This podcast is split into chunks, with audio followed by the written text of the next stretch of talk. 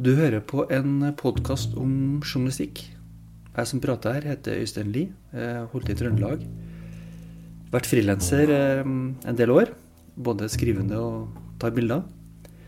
Dette er da podkasten for deg som er interessert i journalistikk. Som er litt sånn eh, nyfinken på hvordan de kommer fram til historiene sine. Hva er metodene, hva er knepene i hele tatt? Hvordan fortelles en god historie? Det er ment for eh, andre journalister, men også for eh, vanlige folk som er nysgjerrige på hva journalistikk er. Jeg har lært en del underveis, og det håper jeg du òg gjør. Så god lytt. Kristoffer Rønberg er utenriksreporter i Aftenposten. Han har vært utsendt til Kina og USA. En del kjenner han som stemmen i aktualitetspodkasten Forklart, og nå er han programleder i en annen podkast fra Aftenposten. Jeg var der, heter den. Den handler om nordmenn som mer eller mindre tilfeldig havner i, eller plasserer seg i, du kan kalle i verdensbegivenhetenes sentrum. Med Kristoffer Rønneberg blir det naturlig å snakke om hvordan en lager en god podkast. Og en prat om utenriksjournalistikk, det blir det også, kan vi love. Det betyr at du skal høre godt etter, for da kan du lære noe som er veldig smart. Hør nå. En god podkast har jo først og fremst de samme journalistiske eh, hovedverdiene som eh, ethvert annet produkt vi lager i, i, mediene. Altså Du skal ha en god historie, du skal ha gode kilder, og du skal formidle det på en måte som gjør at eh, publikum er interessert i det og, og vil få med seg hele. Så i, i, bunn og grunn så er det bare en annen måte å formidle på. Men det du kan gjøre i podkast, er at du kan bruke andre verktøy enn hva jeg som har en historie som, som skrivende journalist uh, ellers kan gjøre. Altså du kan, du kan trekke i følelsesstrengene på en helt annen måte. Du kan bruke musikk og bakgrunnslyd og, og, og trekke inn ting som gjør at man, man får et, uh, en større helhet, kanskje, enn hva man gjør uh, i tekst. Og, og, dermed så kan du formidle ting på en måte som gjør at man blir dratt litt mer inn i det enn hva man kan i, i de måtene jeg har vært vant til å jobbe på før. Da. Fortell om det hvordan du får fram kildene til å prate om hendelser som enten er i ferd med å skje, eller er som er oppe i dagen, eller som har eh, skjedd for lenge siden. Det du må gjøre, er å bruke litt tid med kildene på forhånd. og så Få en, en god rapport og, og, og, snakke dem litt varme. Eh, det hjelper ofte. At uh, Hvis du kommer et sted og bare setter på mikrofonen med en gang og sier OK, hvordan har du det? Så kan du få litt korte svar. Men hvis du bruker litt tid på forhånd og, og snakker om kan være om liksom, hva liker du å spise til, til, middag, eller hva er den siste filmen du så Bare å skape en, en god uh, dialog, så, så, er det ofte lettere å sette i gang opptakeren og, og, um, og begynne samtalen. Da. Og så er det uh, de samme uh, de samme prinsippene som gjelder i intervju ellers. Altså Man har jo mange forskjellige former for intervju. Du kan ha et bakgrunnsintervju, eller du kan ha et TV-intervju hvor du skal ha korte, snappy svar. Dette er kanskje en, en mellomting, da, hvor du mm, stiller åpne spørsmål, ber folk om å beskrive.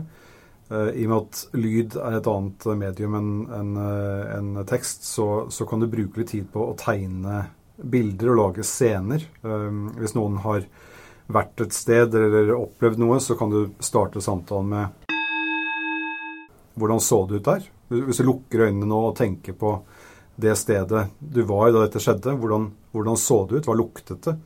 Og så få personen til å beskrive det.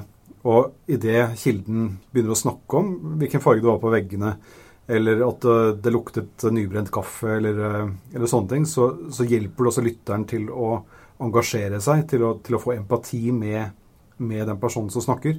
Og da får du også fram budskapet på en veldig, veldig effektiv måte. Da. I vanlig, tradisjonell journalistikk så skal du liksom få fram saken. Mm. Mens i en fortellende podkast så må du, eh, som jeg forstår det, så må du på en måte sette en stemning. Du må på en måte gå, gå en annen vei inn i fortellinga, i, i mer, i mer emosjonelle rommet. da. Ja, det må lokke folk inn. Men jeg, tror du kan bruke de samme prinsippene også i tradisjonell journalistikk. Kanskje ikke i breaking-saker hvor du skal fortelle om hvem som eh, ble skadet i en bilulykke.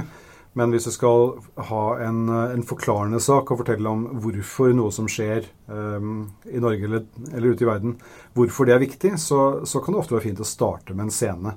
Og, og gjerne noe som illustrerer hvorfor dette er viktig. Og, og, da kan du begynne med ett blikk fra et menneske som, som formidler noe.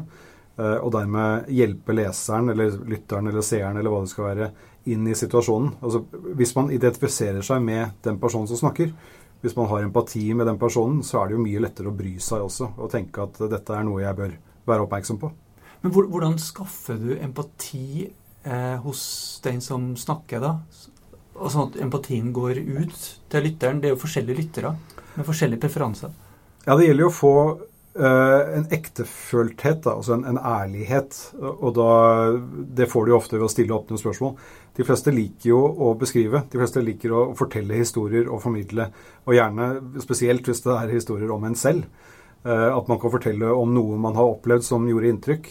Og, og hvis, man, hvis, man, får engasjement hos intervjuobjektet, og får den personen til å bli interessert i å fortelle historien, så, så har det kommet veldig langt på vei i å formidle det videre til lytteren. Da. Fordi det engasjementet, det, det smitter veldig lett.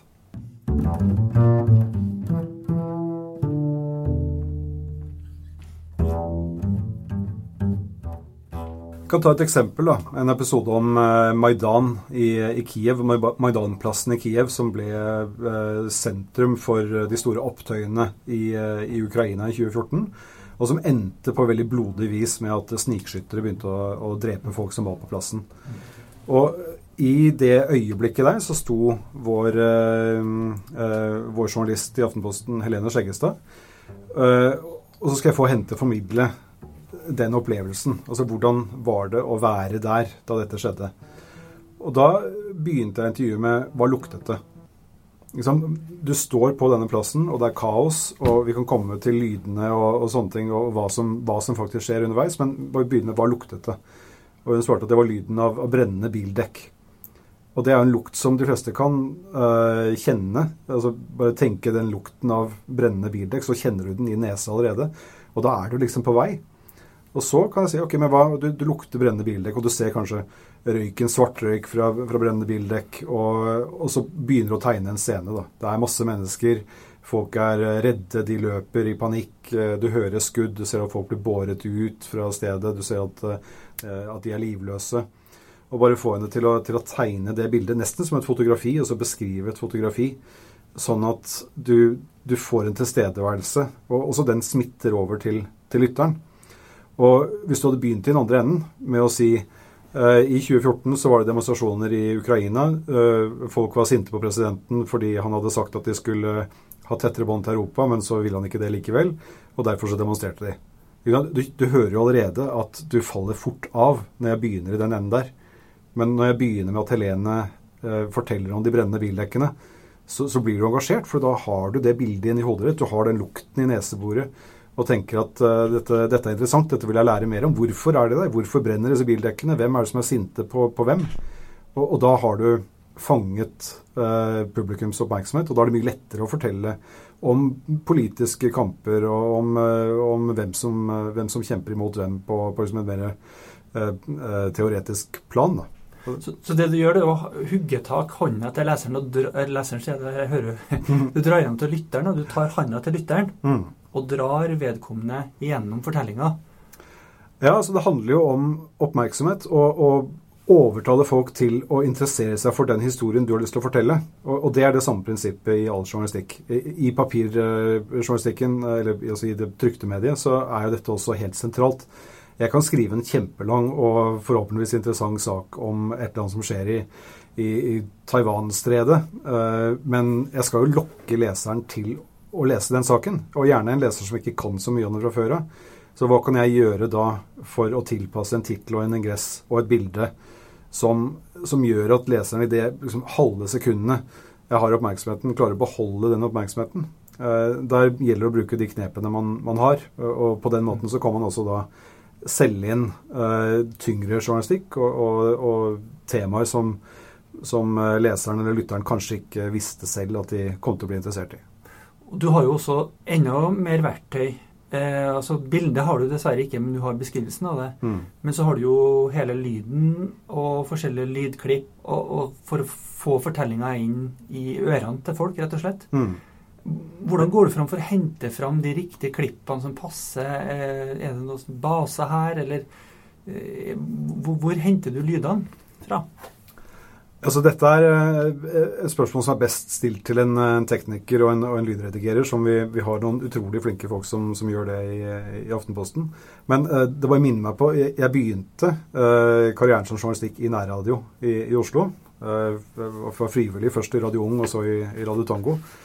Og jeg husker én sending vi hadde en sommer, og meg og en annen, og vi kjedet oss litt. Og tenkte ok, vi hadde vært best å være på stranden nå for en nylig dag. Eh, så vi bare lot som vi var på stranden, og da hadde vi sånne gamle eh, bånd. Så fant vi et klipp av liksom, strandlyd med noen barn som lekte, og noen måker som skrek og sånne ting. Og så satte vi bare den i loop. Så den gikk i loop i to timer. Og så lot vi som at vi var på stranden. Og så hørte jeg på det etterpå, og, og bare det at vi hadde den lyden i bakgrunnen, den skapte den illusjonen om at vi faktisk var der. da. Og det, det, det skal ikke så mye til. Uh, hvis du skal skape en stemning i en podkast, så, så, kan det holde med bare en enkel basstone. Uh, hvis du skal formidle noe som er skummelt, f.eks. At du har noe helt enkelt som bare henger over stemningen og gjør at du skjønner at her er det noe som, noe som truer. Eller at du kan ha en, en, liksom, en lett melodi som er langt i bakgrunnen, som gjør at du, du, skjønner at nå kan jeg slappe av litt. Så det, det er ofte man skal passe seg, på, passe seg, for å ikke legge på for mye lyd, men, men sånne enkle ting de kan, de kan, gjøre veldig mye for, for opplevelsen. Også. Henter du også inn lyd fra faktiske kilder, på en måte, fra det stedet? Det vi har begynt med i stadig større grad i Aftenposten, når vi reiser ut, enten i Norge eller andre steder, at vi tar med oss i bakhodet at dette kan jeg kanskje også bruke til forklart.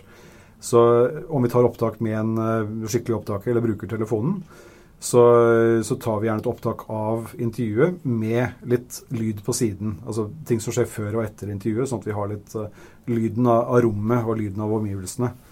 Så det, det, kan, uh, det kan, være veldig effektivt. og så har vi selvfølgelig databaser med ferdiglaget lyd. Der, der finnes det jo selskaper og, og tjenester som vi abonnerer på, hvor vi kan hente inn hvis vi trenger lyden av en bil som brummer, så, så, kan vi finne det ganske enkelt. Men uh, mesteparten av det vi bruker, det kommer fra folk som er ute og intervjuer folk selv. Jeg tenker også fra, Hvis det er noen store ting, da, så CNN At du henter lyd derfra. Eh, eksplosjon. Mm. Folk som springer. Sånne ting. Eh, vi kan jo bruke, med rettigheter der, men hvordan, hvordan er det der egentlig? Hvis vi siterer, så kan vi bruke korte lydklipp. Så det går under sitatretten. Mm. Hvor kort er det? Jeg, jeg, tror ikke, jeg, tror ikke, det er satt uh, noen spesiell grense på det, men det skal være kort nok til at det er et tydelig sitat, eller at det er en, en tydelig faksimile. At uh, hvis vi skal referere til en nyhetshendelse, og så tar vi inn et klipp fra CNN, så er det som, som et krydder, og ikke som et bærende element i, uh, i sendingen. Og der, der, er vi innenfor.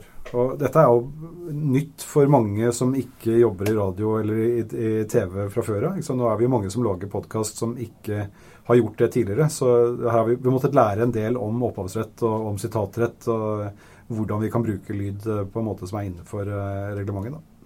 Så har skjedd i Forklart, hvor du jobba før, hvor du av og til er gjest. Så eh, skjer det også på trykk i Aftenposten, hvor, eh, hvor det er en sånn slags synergi, hvor det, den samme artikkelen står på, på, trykk i avisa, hvor det også er podkaster. Mm. Og så er det en annen måte å gjøre det på, som vi gjør i tillegg til, til det, vi, det, vi, publiserer i, i, på nett og, og papir. Så vi har analyser altså no, Noe av det vil være overlappende. Er, når uh, Øystein Langberg lager Aftenpodden USA eh, sammen med Christina Pletten, så hender det ofte at den samtalen de har, den ender opp i en analyse i, i avisen. Fordi de, de, kommer fram til noen kloke ting som også uh, kan spres på, på, den måten. Og så har vi en spalte i Lørdagsavisen som heter Forklart. Men den lages ofte utenom produksjonen av, av podkasten Forklart, men er jo et supplerende element, det også. Men jeg tror det vi har, det vi har lært med Forklart, er at den, det å formidle liksom, hvordan litt mer om hvordan vi tenker som journalister. Eh, og den analysebiten, at den, eh, den, egner seg veldig godt til lyd. Men selvfølgelig så, så er jo det også nyttig å ha på, ha på, papir. Men eh, jeg tror mange av oss som skriver, har blitt flinkere til å skildre fordi vi har lært det gjennom lydmediet de siste par årene. At f.eks. det, det vi var inne på i stad med, med, å tegne bilder, det gjør jeg nå oftere i tekst også enn, enn hva jeg gjorde før, fordi jeg har lært det gjennom, gjennom podkastene vi lager nå de skildringene du bruker, bør jo være relevante. Altså, De må jo drive historien fremover. De må være et verktøy du bruker for å, å få leserens uh, oppmerksomhet til å vare gjennom hele saken. Så hvis, uh, hvis, det ikke er relevant for saken at uh, solen skinte, eller at, at, det haglet ute, så er det jo et distraherende element som du da helst ikke bør ta med. Jeg jeg kan ta et eksempel fra en forklart episode som, som jeg var med på nå nylig, om Taiwan som også er en ganske kompleks politisk eh, historie å fortelle. Men da begynner jeg på en strand i Sørøst-Kina, hvor jeg var for, for, noen år siden. Og på den stranden så er det noen store tegn. Eh, enorme, altså mange, mange, ti meter høye tegn, eh, kinesiske tegn, i, i, rødt, hvor det står 'gjenforening'.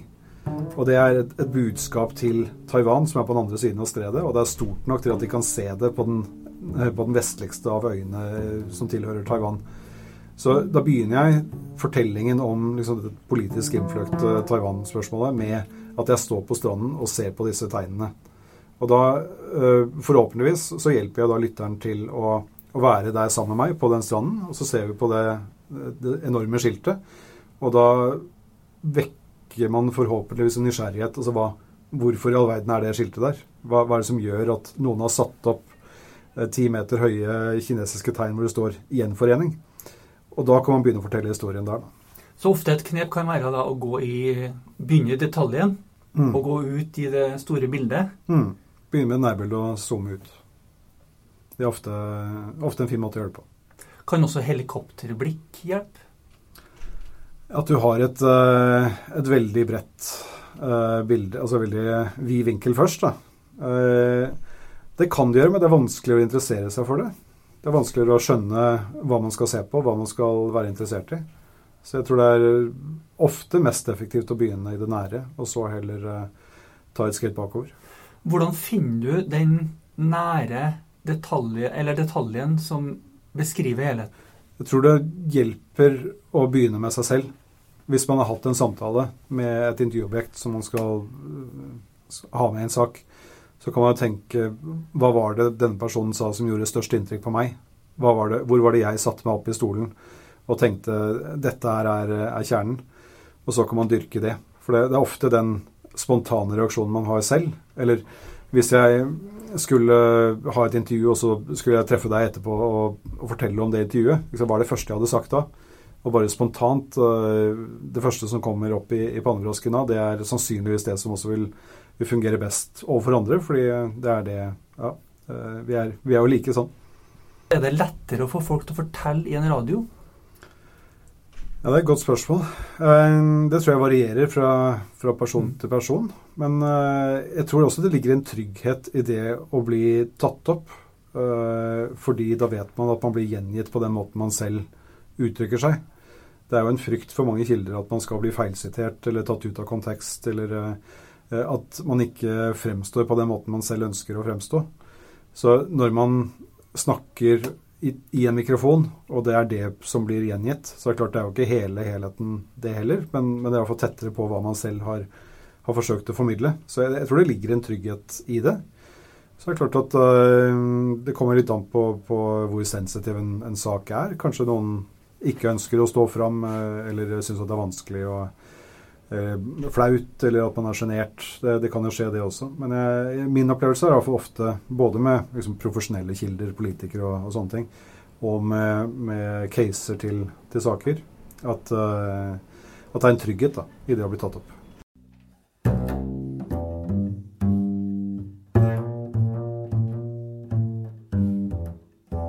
Du lager også podkasten 'Jeg var der'.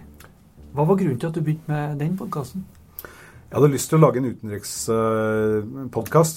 Og så uh, snakket, uh, snakket, jeg med Lydavdelingen om flere, flere, ideer, og så endte vi opp med å lage en podkast basert rundt verdien av å være til stede for, for, journalister.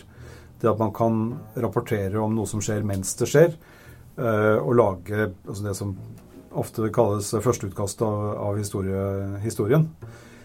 Og jeg syns det er viktig å formidle betydningen av journalister som lager det førsteutkastet.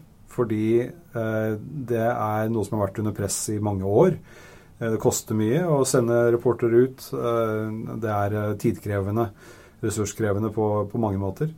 Men det er, det er, så ekstremt viktig, og det, det syns jeg at de journalistene som jeg har intervjuet til denne serien, formidler veldig godt. At det å være til stede, f.eks. Kristin Solberg, som, som, jobbet hos oss før, som nå er i NRK, forteller om eh, massakren i, i Kairo i 2013, hvor over 800 personer ble drept. Men en massakre som de fleste har glemt. Men hun har ikke glemt den, for hun sto i moskeen den ettermiddagen og, og, vasset i blod fra alle likene som lå der. Og da kan hun fortelle om det, ikke sant? og så kan hun si hvorfor det gjorde så inntrykk på henne, og hvorfor det er litt rart at det er en massakre vi har glemt. Hadde ikke Kristin vært der, så hadde, hadde, nok ikke vi heller fortalt den historien nå og minnet folk på at det var faktisk noe som skjedde. Så verdien av det med å være til stede, det tenker jeg er, er ekstremt viktig. Også for å bygge troverdighet i en tid hvor journalistikken trues fra autoritære ledere i autoritære land, autoritære ledere i demokratiske land, fra sosiale medier, fra konspirasjonsteoretikere, fra blogger ute på eh, ytterfløyene av det politiske eh, spekteret. Eh, det det er, så mange ting som prøver å frarøve den tradisjonelle journalistikken den legitimiteten vi prøver å bygge opp selv, som er sentrert rundt klassiske verdier som et, et forsøk på å, å, å være faktabasert og så objektiv man klarer. Og da tenker jeg det å fortelle litt om hvem det er som lager journalistikken. Det er, litt av mye, mye, av det samme som Forklart gjør også. Når man intervjuer journalister, så viser man jo at de kan mye om det de snakker om, og det de skriver om. Og det bygger en tillit og en troverdighet som jeg tror er helt essensiell at vi, vi klarer å bevare for at journalistikken skal, skal, beholde den i mine øyne veldig viktige posisjonen i et demokrati som vi, som vi har. Da. Hvordan kom du på ideen? da? Jeg var der. Det var en, uh, det var en produsent som, uh, som, var hos oss, som, uh, som kom på ideen og, og navnet. Og idet hun sa det, så, så, var det helt Det kjentes helt riktig at det var det vi, det vi måtte lage. En, en vitnebasert utenrikspodkast. Og da har vi jo ting fra fra 80-, 90-tallet, 2000-tallet og til og med en, en liten bonushistorie eh, på tampen om min morfar på, eh, som var på tokt med, med britene i Stillehavet i 1945. Det å gå så nære, og du har en, et vitne, da, tidsvitne, det er kun en versjon av det som hender. Mm. Hvordan er det da å lage en hel fortelling? Ja, Det er et godt spørsmål. Fordi man blir jo da, som, som publikum, så blir, blir, man jo preget og dratt inn av, uh, av den historien som jo er ment å, å, å vekke akkurat de, de følelsene av, av, empati. Men da, da, er det jo en, en journalistisk uh, utfordring eh, på linje med, med, hva man har i andre medier. Også hvordan få med andre aspekter av saken også, som, som da forhåpentligvis lytteren eller leseren vil, vil da også få med seg når de, når de blir dratt gjennom saken. Eh, så det, det, er jo noe man må ha i bakhodet. Man kan ikke bare fortelle den ene historien, man må jo få med seg hele bildet også. Men man må, man må begynne et sted. Hvordan driver du kildekritikk videre da, for å fortelle hele historien? Ja, Du må jo ta de inntrykkene du har fått på bakken, og, og sette de i kontekst. Og, og, hente inn kilder uh, fra andre steder. Uh, og det er jo liksom grunnleggende journalistikk å prøve å hvilke, hvilke, andre steder du slagret deg? Men, uh... Nei, jeg vil også si eh, Hvis du er i en, eh, i en konfliktsone, at du må prøve å få med hva altså, Hente inn en ekspertkilde, f.eks., som kan sette det i kontekst, og hente inn hvis du skal skrive om Taiwan-stredet, at du sørger for å få med både det kinesiske perspektivet og det taiwanske og det amerikanske. sånn at publikum får en forståelse av, av den helheten, selv om man kanskje begynner med med en episode på en, eh, på en strand. Hva ønsker du at uh, lytteren skal sitte igjen med? Eh, jeg vil jo aller helst at publikum, lyttere, lesere, skal være interessert i det jeg har lyst til å formidle. Journalistikk handler jo i veldig stor grad om nysgjerrighet og engasjement. At man har lyst til å lære noe selv, og så har man lyst til å formidle det videre. Og det er jo noe av det mest fantastiske med denne jobben. At man, har, man blir betalt for å, for å lære og formidle. Så jeg ønsker jo alltid at uh, publikum skal sitte igjen med noe av det samme engasjementet uh, for en sak som jeg har engasjert meg i selv. Og, og, være enig med meg i at dette er viktig. Sånn at man er bedre rustet neste gang man uh, hører eller leser om, om den situasjonen. Så, så, kan man huske på noe av det man har, har lært før.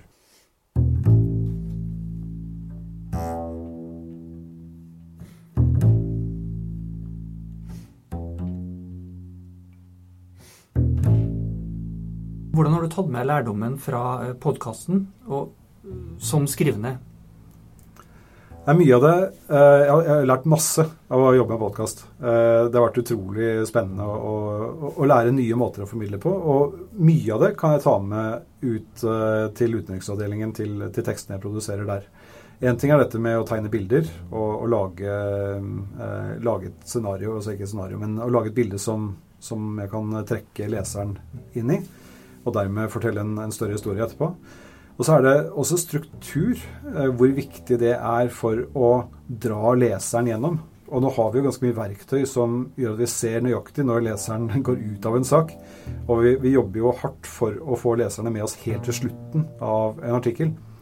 Og for å gjøre det, så er det en del triks uh, som i, i, stor grad kan løses med Altså man kan bruke strukturerte artikler dele det opp i spørsmål-svar, lister, uten å gjøre det for eksplisitt. Hvis man skriver 'her er syv ting', så kan det være lett å falle av da. Men hvis man markerer på en eller annen måte at man deler opp teksten i blokker som gjør det lett å lese og komme seg gjennom det, og man blir nysgjerrig på hva som er det neste, istedenfor en lang eh, tekstblokk som, som, man kan hoppe ut av når man blir lei.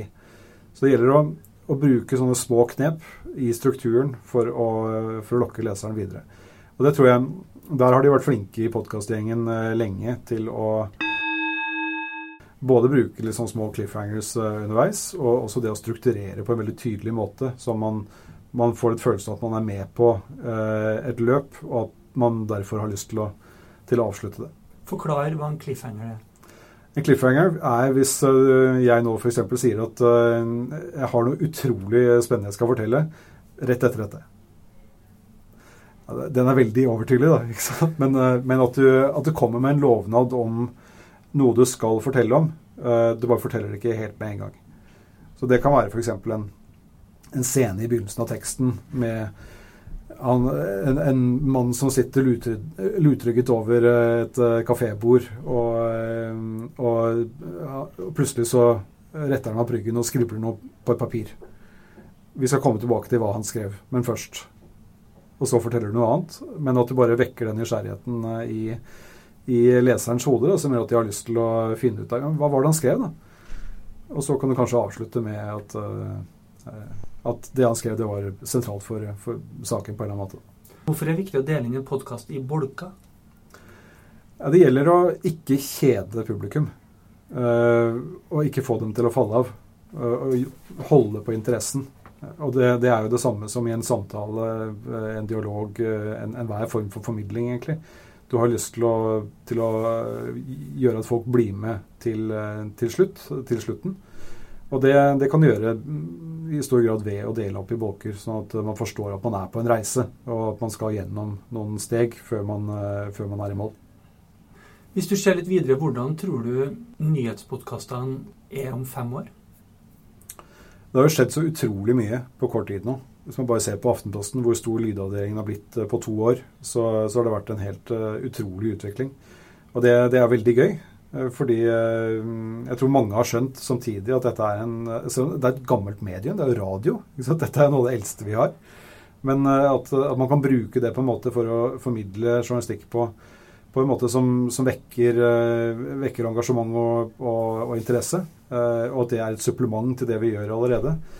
Det, det at det har gått så fort, det, det, tror jeg er en indikasjon på hvor vi er på vei også. Dette er ikke en, eh, en, eh, en greie som går over med det første. Jeg tror det vil bli laget masse gode podkaster i Norge i, i, årene fremover.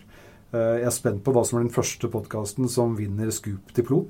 Det må jo skje på et eller annet tidspunkt at man eh, klarer å, å bruke podkasten som første måte å formidle en eh, skikkelig god, gravende nyhetssak på. Så her, jeg tror med alle de dyktige menneskene som lager podkast i Norge nå, så er det Vi har veldig mye gøy. Fine historier, god journalistikk i vente. Fortellerstemmen er jo veldig viktig i en mm. podkast. Uansett sjanger, egentlig. Har du noen tips der?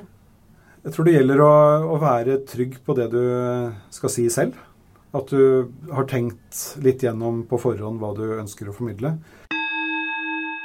At du prøver å unngå for lange tankerekker. Eh, at du prøver å unngå å tenke høyt i form av at du uh, lurer um, litt på du, du, merker at du faller av med en gang jeg begynner å æ. Så prøv å unngå den type snakking. Da, at, du, at, du, snakker med ord og ikke med æ. Det, det, altså, små ting som det. Jeg har lært utrolig mye, og jeg gjør masse feil. Skriv du det ned, da?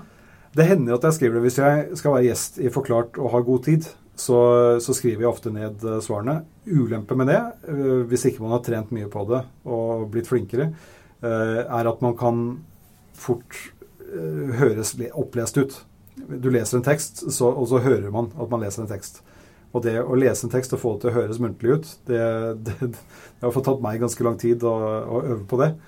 Så jeg foretrekker egentlig å, å ha tenkt gjennom spørsmålet og svaret på forhånd, og så fortelle det i, i egne ord. Også som programleder, da?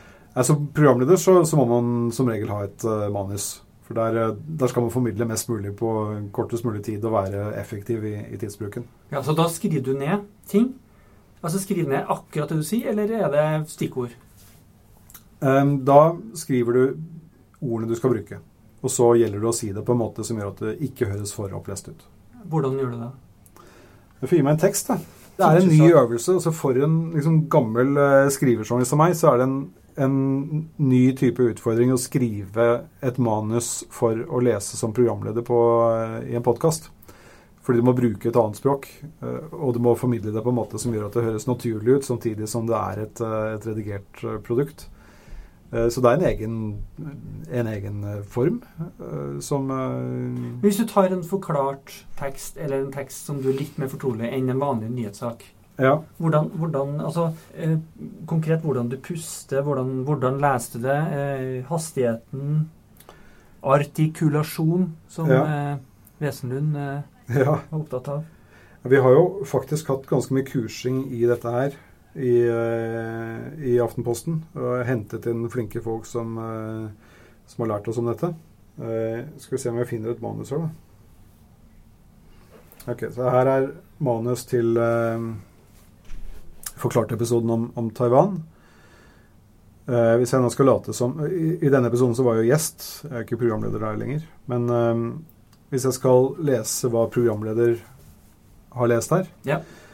Eh, så er teksten I Kina på sørøstkysten av fastlandet er det en strand. Der ligger folk og soler seg og bader. Det er teksten. Som jeg kanskje ville lest det hvis jeg skulle lest det ja, for deg, mm. Eh, og ikke i en podkast. Men hvis jeg skulle vært i en, en podkast, uh, sånn på sparket, så ville jeg kanskje gjort noe sånt som I Kina, på sørøstkysten av fastlandet, der er det en strand.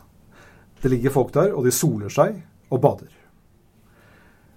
Så det er kanskje noe med oppstykkingen av ordene. At man uh, gjør det klart hva som er siste mm. ordet, f.eks. For eksempel. Fordi etter Rene kommer står det 'er det en strand', men der sa du 'der er det en strand'. Ja. Jeg la inn et uh, lite ord der. Og det Det er jo uh, Det er noe jeg gjør for å gjøre det litt mer muntlig.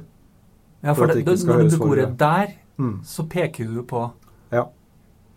Ja, for det står ikke i manus. Ja, det er mer konkret. Ja, ja bildet er jo viktig. Og så er det det å, det å gjøre det muntlig, altså ikke få til å høres kunstig ut. Uh, og der er det Ja. Jeg føler liksom at jeg er fortsatt helt i startfasen av hvordan, hvordan jeg kan lese den type tekster i, på, en, på, en, god måte i en podkast. Men det er, det er, en utrolig morsom ting å, å lære seg. Men hva gjør du for å få det til? Altså få en naturlig stemme der du skal si ting av uh, vesentlighet. Det skal jo være konkret, mm. men samtidig skal du være du skal være avslappa. Du, liksom, du skal jo ta den lytteren i hånda. Mm. Nei, det er, eh, det er egentlig vanskelig å, å, å gi noe konkret uh, svar på det. Uh, fordi jeg, jeg, har følt meg litt fram selv. Uh, jeg tror det hjelper å, å roe ned tempoet litt. Grann. Det er en, en utrolig morsom sketsj man, man, bør se av Trevor Noah, som er programleder i, i The Daily Show hvor han, han, han, har laget en scene med Nelson Mandela og Barack Obama om første gangen de to møttes hvor eh, Barack Obama, som da en, i denne sketsjen, en helt ukjent eh, politiker, kommer til Nelson Mandela og sier at han vil bli USAs president. Og han kommer inn og så sier han, Hi, Mr. Mandela, I'm Barack Obama, I want to be president. Og Nelson Mandela han gjør en fantastisk god eh, Mandela-etterligning. Sier at ja, men du blir ikke president når du snakker sånn. Du må ha dypere stemme. Og så må du snakke med trykk på hvert ord, som om det var det siste ordet. Og den er veldig veldig morsom og formidler på en måte litt det jeg prøver å si nå. Man, hvis man er bevisst på måten man snakker på og er tydelig, bruker eh, ord effektivt, så, så får man formidlet bra. Men det er en sånn mellomting mellom det å være muntlig og det å, det å ha en god og effektiv tekst.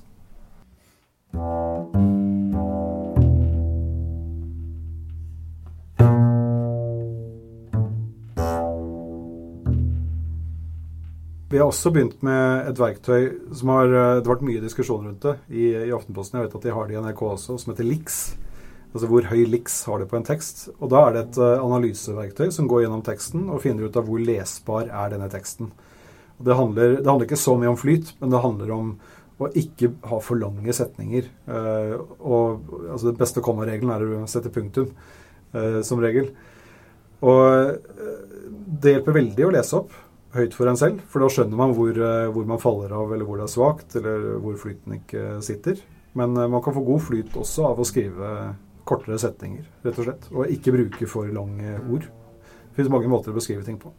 Det gjelder også podkasten? I høyeste grad. Eh, ikke gjør ting kunstig. Altså, ikke prøv å, ikke prøv å liksom være belærende eller, eller, snakke på en måte som, som du ikke selv er fortrolig med. Altså, hvis du har forstått et tema, prøv å, prøv å, gjenfortelle det på en måte som du ville fortalt det til en person som ikke nødvendigvis kan så mye om det temaet. Altså, det, det, samme mantraet som er et grunnprinsipp i journalistikken, gjelder også i podkast, og det er det at du skal aldri undervurdere en, altså, Du skal aldri undervurdere publikums intelligens, og du skal aldri overvurdere publikums kunnskap. Så ta det for gitt at den du snakker til eller skriver til, er like smart som deg selv men ikke nødvendigvis kan like mye om det temaet som du skal formidle som deg selv. Og det, det tenker jeg er en, en god sånn ting å ha i bakhodet til enhver tid. Da. At uh, det å ikke kunne noe er ikke det samme som å ikke være smart. Så uh, man må aldri, aldri begynne å, å, snakke ned til publikum, for da har du mistet dem med en gang. Altså, Gode fortellinger det kan man jo finne overalt. Og, og det har vært en sånn morsom lærdom med, med jeg var der. Uh, å høre om hvordan det ligger gode historier bak det man tenker på som kanskje øyeblikk som eh, kom og forsvant. En episode handler om a-ha, og øyeblikket da Take On Me ble nummer én på Billboard-listene. Og da Jeg snakket med Tor Markussen, som var musikkjournalist i Aftenposten i mange mange år. Eh, eh, veldig, veldig fin fin fyr som er flink til å formidle. Og han sa at uh, det vil han gjerne fortelle om. Fordi han satt i hotellrommet sammen med a-ha da, da, de fikk telefonen om at de var nummer én i, i USA. tenkte jeg, men det, er, det, er det en veldig spennende historie? Å bare ha sett på noen ta en telefon? Men så er det noe med måten han forteller om det på. Altså hvordan det var i hotellrommet der, hva de ulike gutta i a-ha gjorde da telefonen ringte, og at det var Magne Furholme som tok telefonen. og hans liksom, spontane gledesutbrudd da han fikk vite at endelig så hadde de oppnådd det de hadde kjempet om så lenge. Og så fortelle om det øyeblikket. Og så i episoden også fortelle om hva var det som gjorde at det øyeblikket var så viktig for dem. Hvorfor hadde det vært så vanskelig for dem å lage en hit ut av Take On Me? Og da forteller vi om de første versjonene som ikke er spesielt bra. Altså Den låta den hadde en lang reise fra dårlige demoversjoner til, eh, til den sangen vi kjenner i dag. Og det forteller Thor da med stor innlevelse og, og entusiasme. Og, og, jeg lærte masse uh, ut fra et øyeblikk som jeg ikke hadde den største tiltroen til skulle kunne bli en hel, en hel episode. Så det er, det er, magi og historier rundt ethvert hjørne. Det var Kristoffer Rønneberg, utenriksjournalisten i Aftenposten. Neste er Maria Berg Reinertsen, som jobber i Morgenbladet. Hun er en slags hybrid. Hun både skriver reportasjer og kommentarer. Men i journalistikken skal det jo liksom være et skille mellom det der kommentarer og reportasjer. Hvordan greier hun så å si holde rede på seg sjøl om hvilken rolle hun har til enhver tid? Eller er det her veien mot en ny journalistikk. En innrømmelse over at den objektive journalistikken er død og begravd for lengs. Og så er det bare én siste ting. Eh, den som spiller bass i podkasten, han heter Asker Skrove.